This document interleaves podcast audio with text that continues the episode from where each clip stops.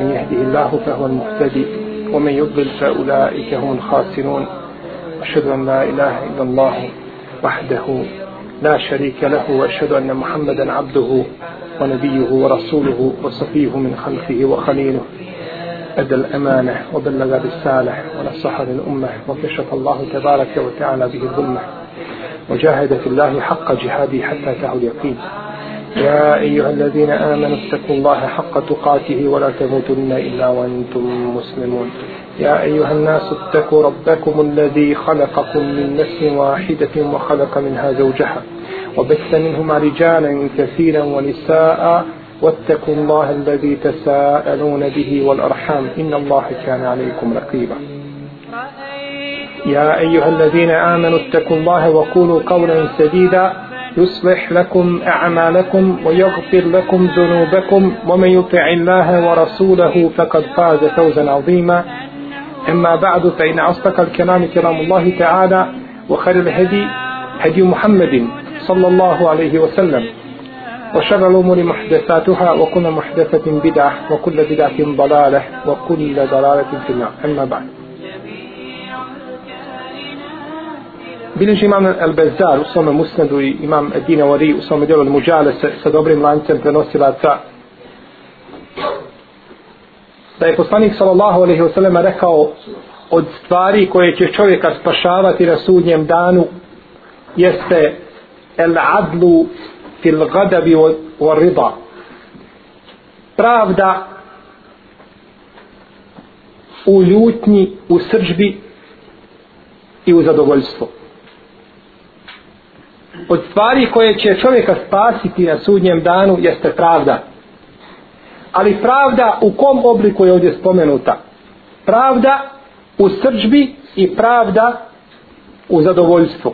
Možemo shvatiti da je čovjek pravedan u zadovoljstvu i većina ljudi biva pravedna u zadovoljstvu, no međutim neće biti pravedan u srđbi osim čovjek kome je uzvišeni Allah te barake o teala srce ispunio nurom imana. I kaže poslanik sallallahu alejhi ve selleme u hadisu koga bilježi ima Muslim u svom sahihu El muksitun 'inda rabbihim ili kaže ovako lil muksitin 'inda rabbihim yawm al qiyamati manabila min nur Pravednici koji su pravedni imaće kod Allaha dželešana sudnjem danu mimbera od svjetlosti a njemini Rahman sa desne njegove tebarake o tjela strane o kinta je dejhi jemin a oba dve njegove ruke su desne kako je došlo u hadisu poslanika sallallahu alaihi wa sallam elezine ja'adilune fi hukmihim o ehlihim o ma wallu oni koji su pravedni u svojim sudovima kada sude i koji su pravedni prema svojim porodicama i koji su pravedni prema onima koji su im počinjeni. Kaže šehol Islam ibn Taymiye, rahimahullahu ta'ala, Inna Allahe yuqimu الدولة العادلة وإن كانت كافرة الله je zapisao pravednoj zemlji u kojoj se sprovodi pravda zapisao je takvoj zemlji budućnost i opstanak tamanda je nevjernička ولا يقيم الدولة الظالمة وإن كانت مؤمنة a neće poživjeti zemlju i narod jedno društvo koje je nepravedno taman bilo mu'minsko. Zamijenči je Allah sa drugima. Jer je uzvišen Allah sebi zabranio nepravdu i učinio je nepravdu zabranjenom među svojim robovima. Spominje šeholi Stamidnu Kesir u svome dijelu Bidaje on Nihaje da je poslanik sallallahu alejhi ve selleme poslao Abdullaha ibn Rawahu da uzme od židova Hajbera da uzme udio iz voćnjaka i žitarica shodno dogovoru koga su napravili nakon oslobođenja Hajbera. Pa kada je došao Abdullah ibn Ravaha, pokušali su da ga podmite. Pa je rekao, Wallahi inni nađi'tukum min ehabbi nasi ileje, min indi Rasulillah. Kaže, ja sam vam došao od meni od meni najdraže groba od poslanika sallallahu alaihi wa sallam وَإِنَّكُمْ لَأَبْغَدُ خَلْقِ اللَّهِ إِلَيَّ A vi ste meni najmrža stvorenja koja imaju na zemlji. وَمَا يَحْمِلُنِي حُبِّي إِيَّهُ وَبُغْدِي لَكُمْ إِلَّا أَعْدِلَ فِيكُمْ Ali me neće navesti ljubav prema njemu i mrzja prema vama da budem nepravedan u pogledu vas.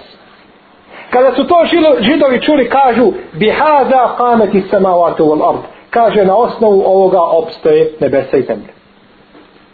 Na osnovu ove pravde koju si sada spomenuo, opstoje nebesa i zemlja. Draga moja braćo i cenjene sestre, pravda je velika stvar. Pravda je velika stvar.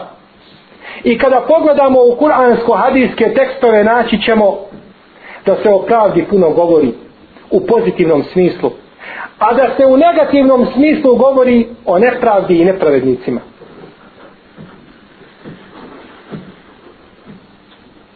Imam Buharija i Muslim bilježe od Ebu Hureyre radijallahu anhu da je jedan čovjek prodao drugom zemlju.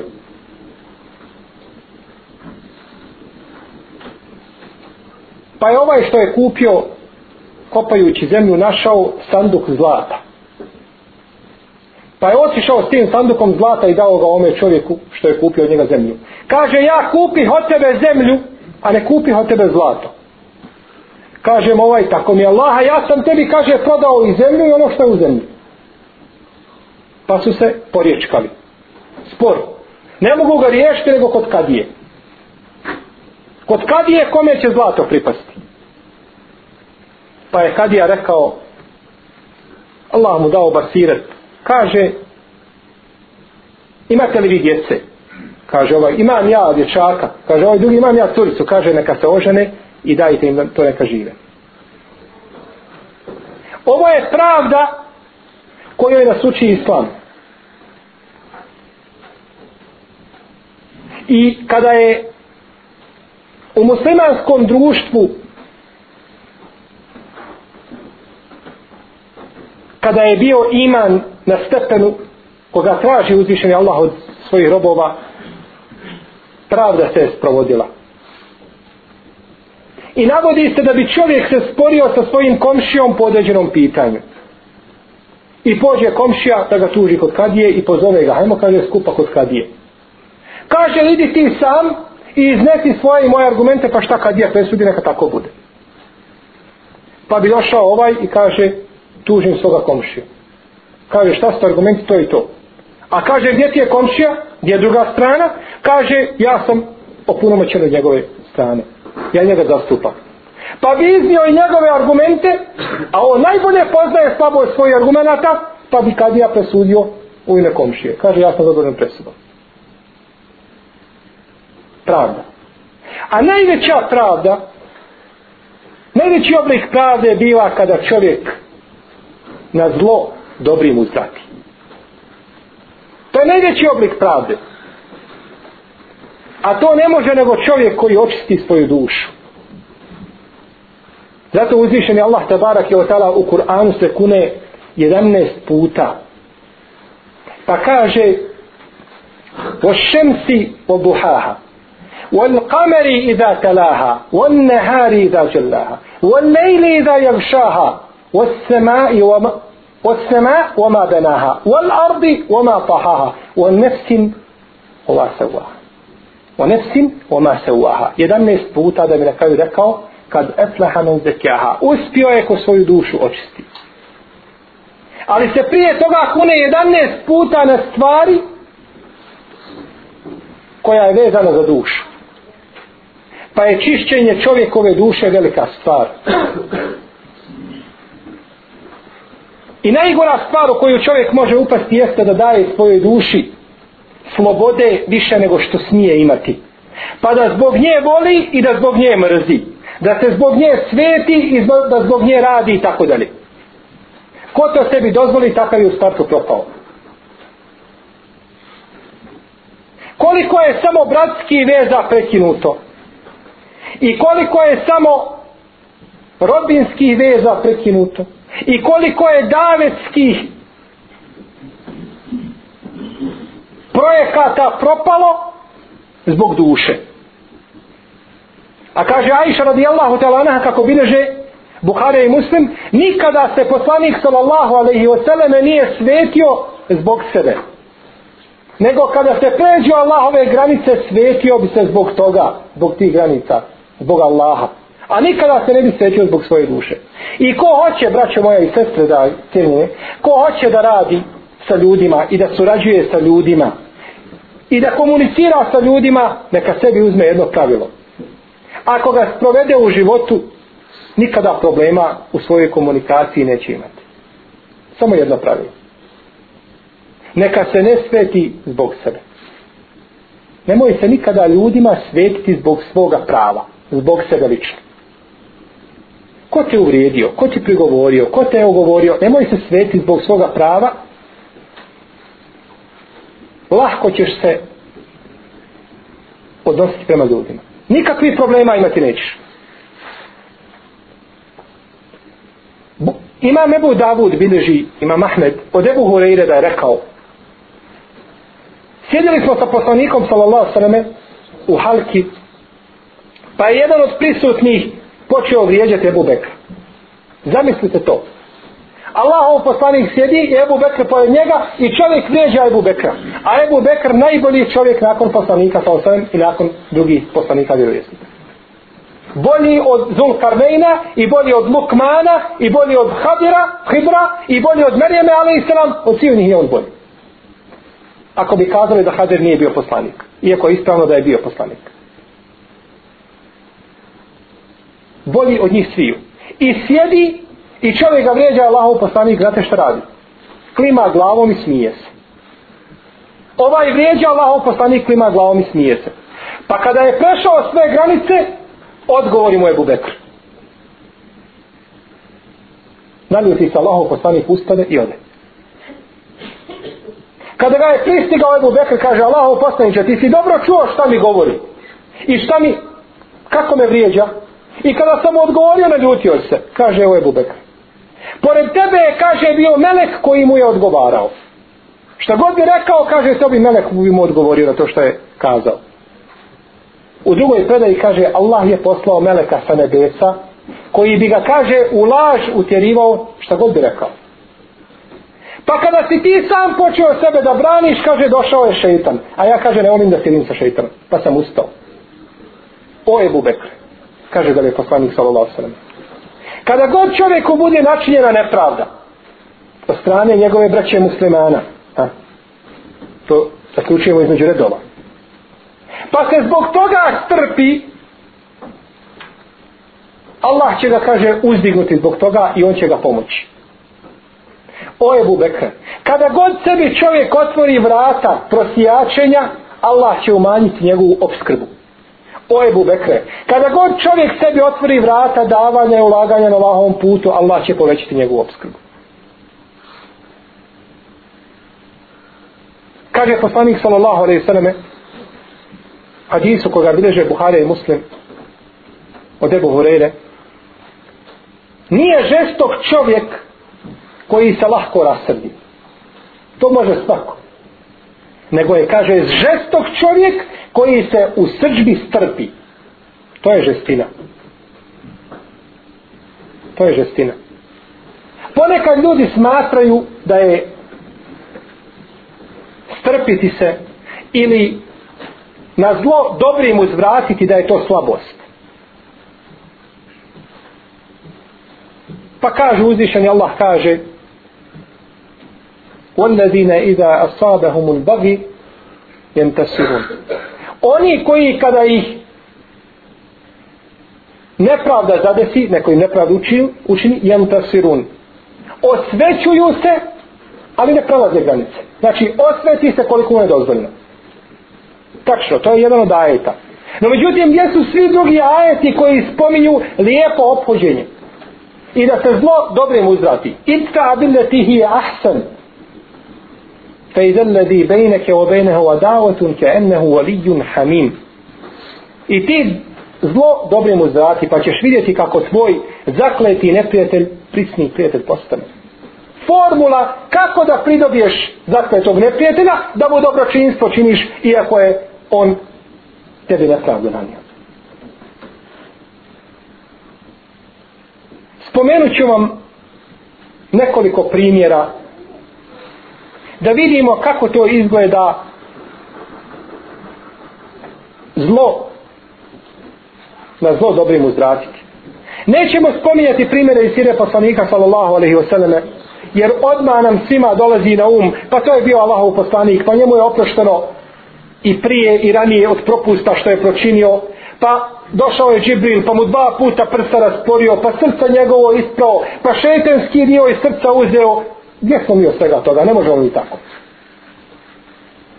Spomenut ćemo primjere iz života učenjaka koji su bili ljudi kao i mi. S te strane. Nije uzvišeni Allah njihova prsa čistio kao što je čistio prsa poslanika sallallahu alaihi sallam. Spominje spominje imam Zehebi i drugi da je imam Ahmed A vi znate ko je bio imam Ahmed ibn Hanbel? Da je bio zatvoren u vremenu kada je bila fitna ili a, kada se pojavio nered po pitanju stvaranja Kur'ana. Pa ga izveo halifa da ga bičuje. U sred bijela dana imam Ahmed, imam Ehlu Sunata od džemata, biva bičevan, krv curin iz njegova leđa, a on postač, posti u Ramazanu. I nikada nije prenešeno da se je bilo kome osvetio tih ljudi. Jer to čini muslimani. Nikada u Siriji njegove neće naći da se nekome ima Mahmed osvetio ili da je nekoga nakon toga po zlu spomenuo. Šehol Islam Ibn Taymije. Drugi imam Ahmed Ibn Hanbel. U zatvor. Okupila se u nema u to vrijeme koja je pala pod utjecaj halipe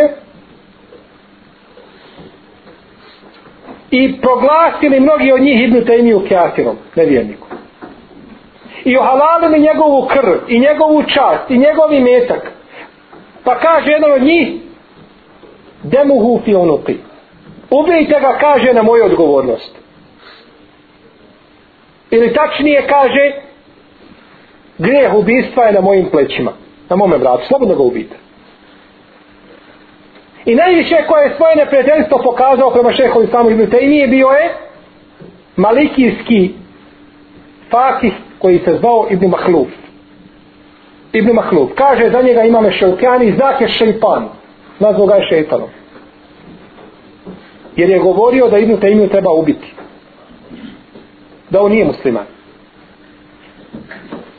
pa je umro Ibnu Mahluf za života šeha Islama Ibnu Tejmije. Kaže Ibnu Kajim. Pa sam dokrčao šeha Islamu i viće mu, kaže mu, raduj se, profesore, Allah je, kaže, usmitio toga neprijatelja, najveće. Tvoj najveći neprijatelj je, kaže, umro, raduj se, danas je bajdan za tebe. Po našim kriterijima trebali smo bat dvije, se, e, dvije sežde šukre učiniti, ali tako? Allah nas riješio najvećeg neprijatelja kaže Ibn Kajim, tako mi Allaha kaže, pa je kaže ustao i žestoko me kaže osudio i ukorio zbog tih riječi i kaže odmah se pokupio i otišao po rodici Ibn Mahlufa i pokucao na vrata i izrazio svoje saučešće i kaže, slušajte me ja sam vam kaže na mjesto njega nećete mi jednu kaže stvar od mene zatražiti da je nećete dobiti ja vam bivam na mjesto vašeg oca čovjek koji je ohalalio njegov krv i njegov imetak i koji je sve moguće spletke činio u pogledu šehova islama, tako na kraju Ibn Taymiye vraća, vraća dobrim na zlo. Mi kada nam neko obično učini nepravdu, mi se prema njemu obhodimo po pravilu ولا تصلي على أحد منهم مات أبدا ولا تكم على قبره kada neko njih umre, neka je mu dženazu nikako i nemoj stati njegovom kaburu. To je pravilo koje vrijedi za današnje muslimane, za mnoge. Ne kažemo za sve, ali za mnoge. To su ajeti koji su objavljeni u pogledu munafika. Za muslimane vrijedi ruhama u bejnehum. Da su samilosti među sobom. Tako su opisani ashabi poslanika sallallahu alaihi sallam. Iako je Abdullah ibn Bej ibn Selun govorio protiv poslanika sallallahu alejhi ve kada je umro Allahu poslaniku je pao džanaz i umotao ga u svoje džube u svoju košulju ga umotao pa se Omer protivio nakon toga govorio kaže ne znam gdje mi je kaže razum bio kako sam kaže imao snage da ja nešto kažem Allahu poslaniku to je bilo prije zabrane da se njima klanja džanaz no, međutim nije ni poslanik sallallahu alejhi ve na zlo uzrećao nego dobrim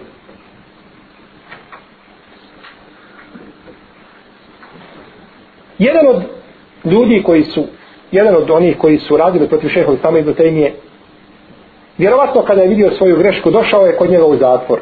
Pa mu se počeo izvinjavati. Kaže, nisam ja tako mislio, nisam to i to htio. Pa mu je rekao šeha od kaže, ja sam svima oprostio. Ja sam svima vama oprostio. I nikada se nikome neće sveti od vas. I kaže, čak oprostio sam i sultanu Nasiru koji je bio u to vrijeme, kaže, zato što je to radio, kaže, sljedeći duge u tome. I njemu sam oprostio. Iako je sultan Nasir nakon toga izgubio svoju vlast. Došao je, ruknu din, Mubasor, uzeo njegovu vlast, pa je onda okupio tu istu ulemu i te kadije koji su govorili protiv šehova Islama i Zutajnije u njegovo vrijeme, u vrijeme Nasira, okupio je oko sada. Pa su isto nastavili govoriti. Pa je došlo vrijeme kada je Nasir ponovo vratio svoj glas.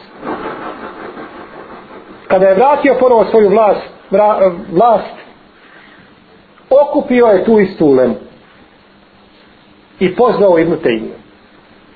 I pozvao Ibnu Tejmiju.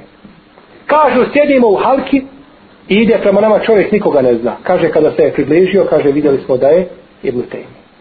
Pa smo kazali, sada smo gotovi, sada će se osvetiti ustade, kaže halifa, ide prema njemu hodom punim poštovanja.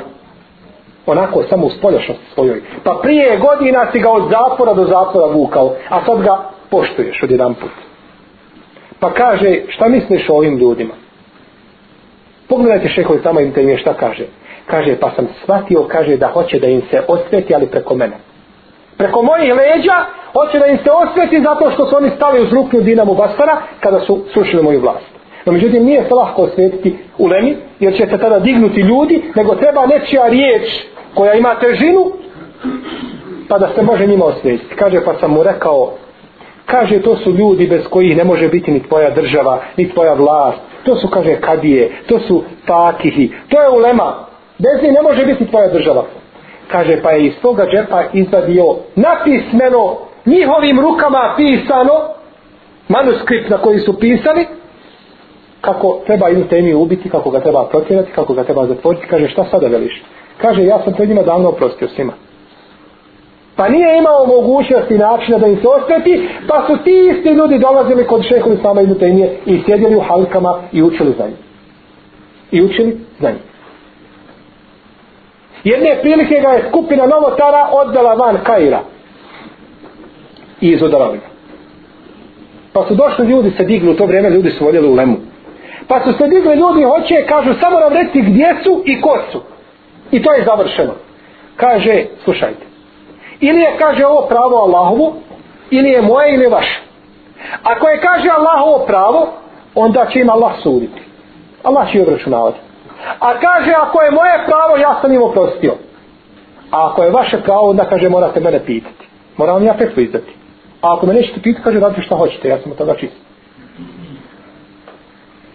kako kaže poslanik sallallahu alejhi ve selleme u inimrun shatamaka au ayyaraka bima ya'lamu fike fala tu'ayyirhu bima ta'lamu fihi u hadisu koga bilježi imam Nesai i imam Ahmed i Tirmizi od Džabira ibn Sulejma kaže poslanik sallallahu alejhi ve selleme ako tebe neko bude vrijeđao ili te bude sramotio zbog mahane koju zna da je pri tebi, nemoj ti, kaže njega, vrijeđati ni sramotiti zbog mahane koju znaš da je pri njemu. Ovo su riječi poslanika sa Olafom. Nemoj, nemoj svojoj duši udovoljavati. Nemoj svojoj duši udovoljavati. U hadisu koga bilježi imam Nesai i imam, ah, imam Ibn Mađe, od Ebu Lahvasa kaže, rekao je moj babo, El Ahvas, rekao je poslaniku, sallallahu alaihi wa sallam, ja imam, kaže, Amidžića. Imam Amidžića, kome kada je potrebno dajem mu. A kada mi je potrebno ne dam mi. Pa sam se zarekao da mu neću davati. Pa kaže poslanik sallallahu alejhi ve selleme: "Iskupi svoju zakletvu i daj mu kada mu je potrebno." Na zlo dobrim uzvrati. Ibn Hubeira, veliki hambelijski pravnik, sjedio je jednoga dana u Halki gdje su dolazili ljudi da slušaju predavanja. Ljudi iz četiri medzheba su dolazili da slušaju kod njega predavanja. Pa je spomenuo jednoga dana jedno fiksko pitanje koje je vezano striktno za mesed imama Ahmeda. Niko drugi tako nešto nije rekao, samo imam Ahmed to zastupa. Pa je rekao jedan malikijski pravnik, zove se Ebu Muhammed Eleširi. Kaže, to isto kaže imam Malik. Kaže, nije, ovo je mišljenje samo imama Ahmeda. Kaže, ne, to je rekao imam Malik. Pa je donio knjige Ibnu Hubeire u kojima stoji da je to mišljenje samo imama Ahmeda, nije drugi.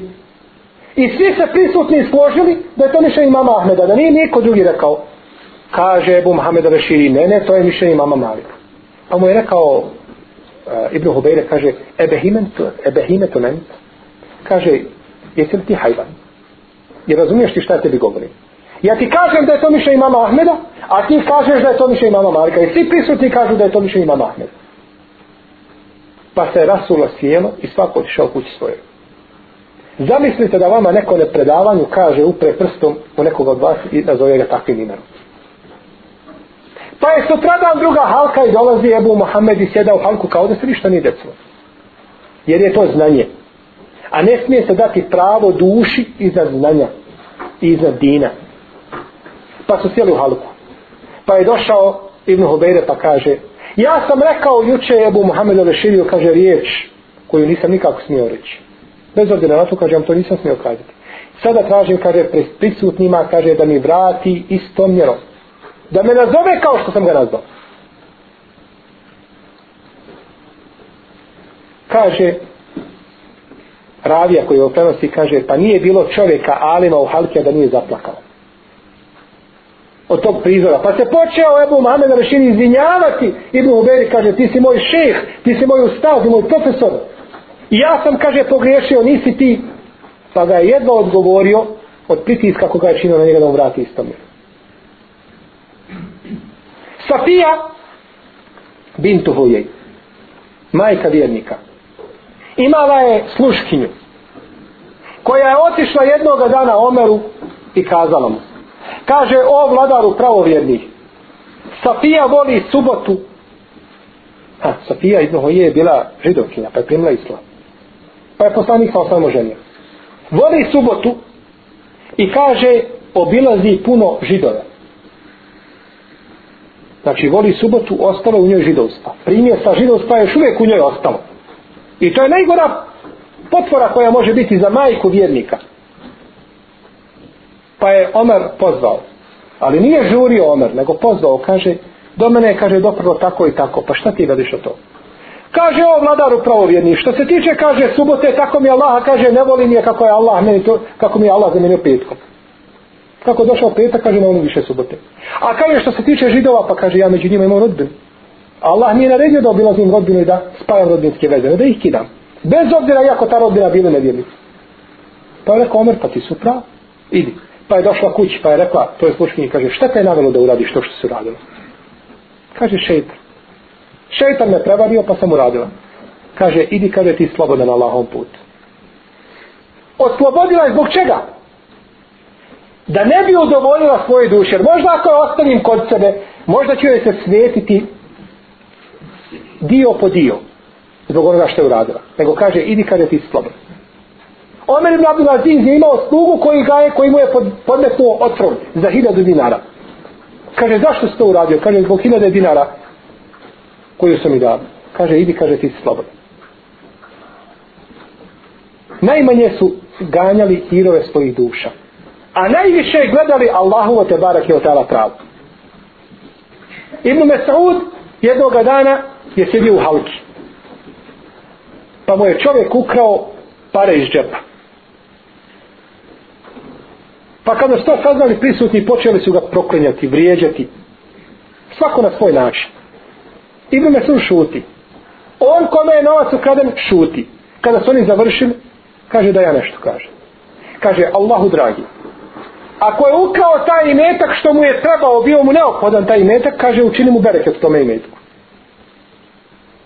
A ako ga je, kaže, ukrao, kaže, nije mu bio potreban, nego samo hoće da griješi, kaže, učini da mu to bude zadnji grijeh koga učini. Ibn Mesud je završio. Ali gdje su oni koji su vrijeđali od Ibn Mesuda, radi Allah?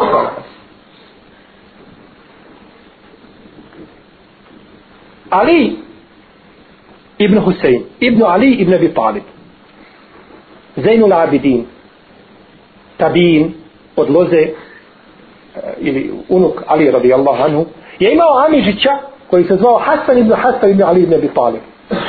A između njih je bilo nesuglasica. Ali ibn Hasan je, Ali ibn Husein je bio veliki učenjak. Pa dok je jednoga dana sjedio u halki sa svojim učenicima, došao je njegov Amižić, Hasan ibn Hasan, pa ga izvrijeđao, sa što mu izgovorio, ovaj šutao. I okrenuo se i otišao. Pa je na veće otišao kod njega. Kući. Po našim kriterijima trebao bi bar sablju ponijeti sa sobom. Došao kući kod njega, pokucao na vrata i kaže slušaj. Ako je istina ono što si govorio o meni, kaže, ja molim Allaha da mi oprosti. A ako nije, kaže, molim Allaha da oprosti te. I okreni si nazad. Pa je trčao za njim Hasan i Hasan ko malo djete i plakao i molio ga da mu oprosti.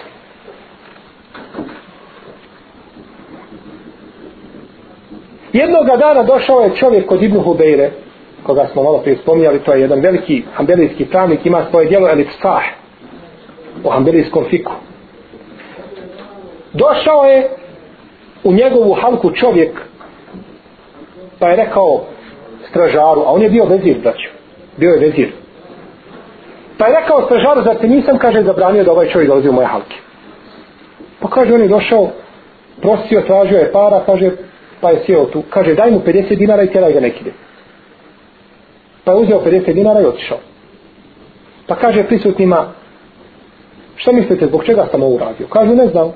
Kažu, kaže Ibn Hubeire, ovaj čovjek je bio kod halite u smislu policajca. Dovodio bi ljude koje hoće halifa da mu se dovedu. Kaže, pa je jednoga dana u našoj mahali ubijen čovjek. Pa je došao, kaže, i uzeo nekoliko nas, povezao i vodio nas halifi pa smo u putu nas je, kaže, udarao. On je jahao, mi smo hodali. Kaže, išao, kaže, za nama i udarao nas. On čovjek, obični musliman, udara najveću nam. I vrijeđao nas, kaže, sva šta nam govorio. Pa sam zatražio od njega, kaže, da klanjam farz. Da stane da klanjam namaz. Kaže, pa mi nije dao. Pa sam se, kaže, šestoko na njega na ljutio zbog toga. Nigdje ne spomio to što ga ovaj udarao. I što ga je vrijeđao nego spomije to što mu nije dao da klanja farz.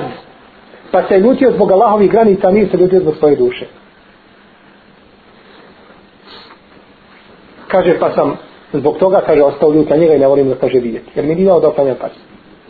Kaže, jednu džauzi, sjedili smo jednoga dana u halki sa Ibnu Hubeirom.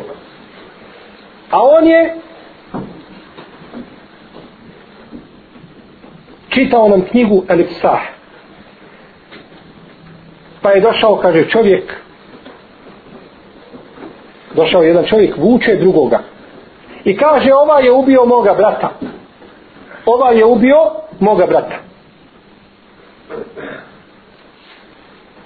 Pa mu kaže, imu Hobele, zašto si ga ubio? Kaže, posvedom smo se i ja ga ubio. Traži ovaj da osveti svoga brata. Kaže, Hoćeš da ti prihvatiti krvarinu? Da ti ja platim krvarinu? 600 dinara. To je kud i kamo bilo veće od vrijednosti krvarine. Kaže, hoću, ako je 600 dinara, prihvatit ću krvarinu. Pa mu je dao 600 dinara. Idi, kaže. Pa je dao ome ubici 50 dinara, kaže, idi ti. Pa kada je otišao, pitaju ga, zbog čega ste uradio? Kaže, da vi ne znate da ja već 40 godina ne vidim na jedno oko? Kaže, ne znam. Kaže, ovaj čovjek jednog dana prolazio pred mene dok sam ja bio još učenik, mladić dok sam bio. Nosio sam, kaže, knjigu fika pod pazuhom i išao, kaže, na predavanje. I sustigao me, kaže, ovaj čovjek i rekao, dao mu jednu posudu sa voćem da mu je nosi. Ponesi, kaže ovo. Kaže, nisam ja nosač. Traži se nosača, ja sam, kaže, učenik, ja idem na predavanje. To, kaže, nije moj posao pa me je, kaže, udario po oku. I od tada, kaže, ne vidim na oku. Kaže, pa sam htio da pobjedim svoju dušu, da mu se ne svetim. A Ibn Humbeire, braćo moje sestra, tada bio vezir, ministar bio. Kaže, pa sam htio da pobjedim svoju dušu i da mu se ne svetim. Pa je platio za njega krvarim i pustio ga. Ali ovo sigurno ne mogu nego ljudi, braćo moja i cijenjene sestre, koji su odgojili svoju dušu koji znaju prava muslimana koja imaju kod njih. Ne smije niko shvatiti iz ovoga što sam govorio da čovjek treba pognuti glavu i da ga ljudi udaraju po glavi i on šuti. Nismo to kazali. Ali ima nešto što se dove, zove na zlo dobrim uzvrati. Na zlo dobrim uzvrati. Budi blag prema ljudima, budi nježan prema ljudima. Niko nije prema ljudima bio nježni od poslanika Salasane, koji nam je ostavio divan primjer u svemu tome. Ibn Mesaud kaže, jednog dana smo klanjali sa poslanikom Salasane namaz. Pa je Allahov poslanik, kaže, dugo ostao na seždi. Pa smo se pobojali za njega, kaže, pa sam digao glavu, pa sam vidio, kaže, da je njegovim leđima, ili Hasan ili Husein, jedan od njih bojite, kaže, na njegovim leđima. Pa kada je završio namaz, kaže, mrzio sam, kaže, da uznemiravam ovoga dječaka kada dok ne bio na leđima. Šta misli se kada bi danas hođa u džani na jednom od namaza ostao dugo na seždi i dijete mu došlo sa njime i popelo se na leđima? Ili na mimbar, sišao sam mimbere i uzeo dijete kao što je radio poslanik sa vas. Ne bi se taj nikad imao više prilike popeti ni na mimbar, niti stati u mihra. To bi mu bilo zadnje. Zbog toga što ljudi gledaju vjeru emocijama, Pa tamo gdje trebaju da budu blagi, nisu blagi. Jedni među drugima, da Allah sačuva. A tamo gdje čovjek treba da bude čvrst i žestok i da brani Allahove granice, tamo ga nigdje nema na mapi. Pa kada se izvrnu ti kriteriji, onda biva rezultat stanje koga ima. Uzvišeni Allah te barake od tala draga moje braće i cene sestre, uči da budemo blagi jedni prema drugima i da praštamo jedni drugima Pa mi smo danas blagi prema onima prema kojima ne bi smjeli biti blagi. Svi mi danas trpimo nepravdu koju nam čine žuti i crveni. Ubijaju našu braću muslimane od istoka do zapada. Nema mjesta gdje musliman nije ponižen. I mi to svi trpimo. Pa zašto onda ne mogu trpiti nepravdu koju mi učini ovaj brat musliman koji kaže la ilaha illallah muhammedu rasulullah. Ako trpimo onoga koji kaže da je Allah uzeo djecu. I nema puta i nema načina da čovjek uđe u društvo i da uđe među ljude i da im prezentira islam na ispravan način osim ovaj put. Da bude blag sa ljudima. I kogod se drugačije bude ponašao u društvu, a svi smo mi daje i svi mi predstavljamo islam, taj neće predstaviti islam na ispravan način. Predstavit će ga na pogrešan način. Jer ljudi, njih ne zanima naš ibadet. To da li mi klanjamo noći namaz i da li mi dajemo tajnu sedaku i da li mi, to njih ne zanima. Njih zanima kako se mi odnosimo prema njima. Naš odnos prema njima to je ono što njih zanima. I to je ono što im može koristiti. A naši ibadet to je za nas. Pa nam je obaveza da se ugledamo na praksu učenjaka koji su bili prije nas, koji su nam svojim primjerima pokazali kako musliman treba da se obhodi prema braći muslimanima i kako treba da trpi njihove ezijete i da treba biti daleko od onih koji udovoljavaju svojoj duši nanoseći tako eventualno nepravdu drugima. Molim Allaha se barak da nas puti na pravi put, da nas pouči naše vjeri, da popravi naše stanja, stanja naših porodica, stanja muslimana u cijelom svijetu i da nam od naših dijela počni najbolje od njih zadnja Allahu Teala Amin